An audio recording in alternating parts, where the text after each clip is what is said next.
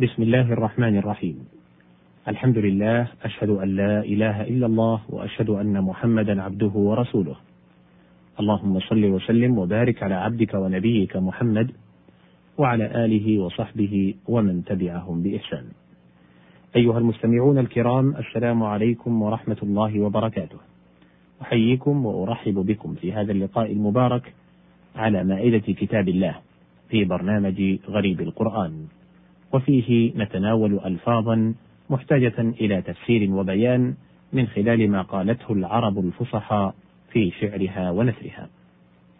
الهمزة والدال والميم. آدم هو أبو البشر. قالوا مشتق من أديم الأرض، وقيل لسمرة لونه. رجل آدم وامرأة أدماء من الأدمة وهي السمرة. قال الهروي إذا كان اسما جمع على الآدميين وإن كان نعتا جمع على الأدم يعني إذا كان علما جمع جمع تصحيح وإن كان وصفا غير علم كسر على كسر على فعل كحمر. وقيل سمي بذلك لكونه من عناصر مختلفة وقوى متفرقة كما قال تعالى من نطفة أمشاج أي أخلاق. وهذا من قولهم جعلت فلانا أدمة أهلي أي خلطته بهم. وقيل لما طيب به من الروح المنفوخ فيه المشار إليه بقوله تعالى ونفخت فيه من روحي الذي جعل له به العقل والفهم والروية المفضل بها على غيره من الحيوان. كقوله وفضلناهم على كثير ممن خلقنا تفضيلا وذلك من قولهم الإدام وهو ما يطيب به الطعام. ويقال إدام وأدم نحو إهاب وأهب. ومن هذا أدام الله بينهما أي أصلح وطيب.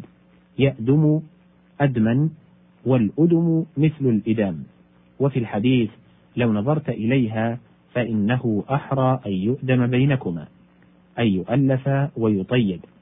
قال لمن يخطب امرأة أي إذا أبصرتها احتطت لنفسك.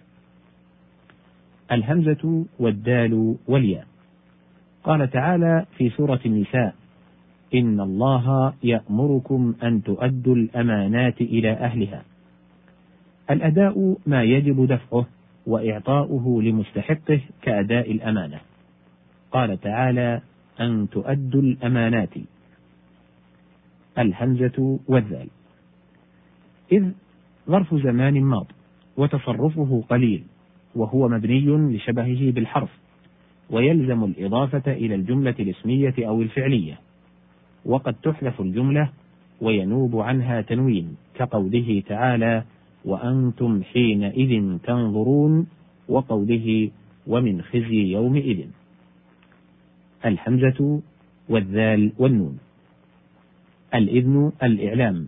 يقال أذنت أذنت لك في كذا أي أعلمتك برفع الحرج في فعله فيكون بمعنى الأمر. قال الله تعالى في بيوت أذن الله أن ترفع وقوله من ذا الذي يشفع عنده إلا بإذنه وقوله إلا من بعد أن يأذن الله وقوله فقل آذنتكم على سواء أي أعلمتكم بما ينزل علي من الوحي لتستووا في الإيمان به. قال الحارث بن كلزة آذنتنا ببينها أسماء رب ثاو يمل منه السواء. وعليه قوله فأذنوا بحرب وقوله وأذان من الله أي إعلام وإنذار.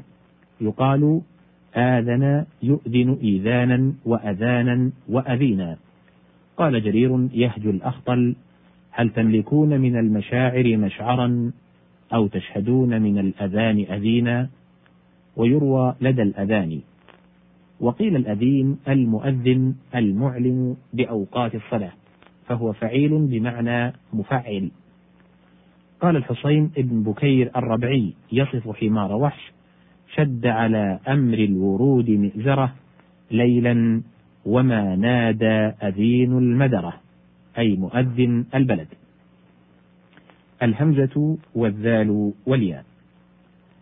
الأذى في الأصل الضرر الحاصل وقوله تعالى فآذوهما إشارة إلى الضرب وقيل سيئوهما واشتموهما ثم نسخ ذلك بالحد. وقوله لا تبطلوا صدقاتكم بالمن والأذى هو ما يسمعه السائل من المكروه وهو كقوله وأما السائل فلا تنهر. وقوله ودع أذاهم أي اترك ما تسمعه من المنافقين حتى تؤمر فيهم. وقوله في الإيمان أدناه إماطة الأذى عن الطريق يعني به كل ما يتأذى به المار في طريقه من شوك وحجر ونحوهما. وفي الحديث أميط الأذى عنه يعني بالأذى الشعر الذي يكون على رأسه عند ولادته يوم السابع وهو العقيقة. وكانت العرب تذم من لا يحلق يحلق رأسه يوم السابع. قال امرؤ القيس أيا هند لا تنكحي بوهة عليه عقيقته أحسبا. يقال آذى يؤذي إيذاء وأذى وأذية. والأذي الموج لأنه يؤذي راكب البحر. وإذا ظرف زمان مستقبل يتضمن معنى الشرط غالبا ولا يقع إلا في المحقق وتلزمها الإضافة إلى الجمل الفعلية فقط على المشهور وتصرفها قليل وتكون فجائية كقوله فإذا هي شاخصة أبصار الذين كفروا وقوله إذا السماء انشقت على إضمار الفعل. وقد تقع إذ موقع إذا كقوله ولن ينفعكم اليوم إذ ظلمتم. وإذا موقع إذ كقوله وإذا رأوا تجارة أو لهوا انفضوا إليها. الهمزة والراء والباء. قال الله تعالى في سورة النور غير أولي الإربة من الرجال أي غير أولي الحاجة إلى النكاح. والأرب العقل. وقيل الأرب فرط الحاجة المقتضي للاحتيال في دفعه. فهو أخف. وكل أرب حاجة من غير عكس. وأرب إلى كذا احتاج حاجة شديدة. ومن ذاك الآرآب وهي الأعضاء السبعة المشار إليها في الحديث أمرت أن أسجد على سبعة آراب. وفي آخر إذا سجد العبد سجد معه سبعة آراب وجهه وكفاه وركبتاه وقدماه. وسميت هذه آرابا لأنها تشتد الحاجة إليها. فإن ما في الإنسان إما لمجرد زينة كاللحية والحاجب وإما للحاجة كاليدين والرجلين. الهمزة والراء والضاد. الأرض الجرم الكثيف السفلي المقابل للسماء. ولم تجئ في القرآن إلا مفردة. وقد جمعت تصحيحا في قوله عليه الصلاة والسلام طوقه من سبع أراضين. وفي قول الآخر وأية بلدة إلا أتينا من الأراضين تعلمه نزار. فقيل إنها سبع متطابقة كالسماوات ويشهد له ظاهر قوله ومن الأرض مثلهن. وقوله من سبع أراضين لا دلالة فيه لاحتمال سبع أقاليم. وسبع أراضين متجاورة لا متطابقة ويعبر بها عن أسفل الشيء كما يعبر بالسماء عن أعلاه. قال حميد يصف فرسا ولم يقلب أرضها البيطار ولا لحبليه بها حبار.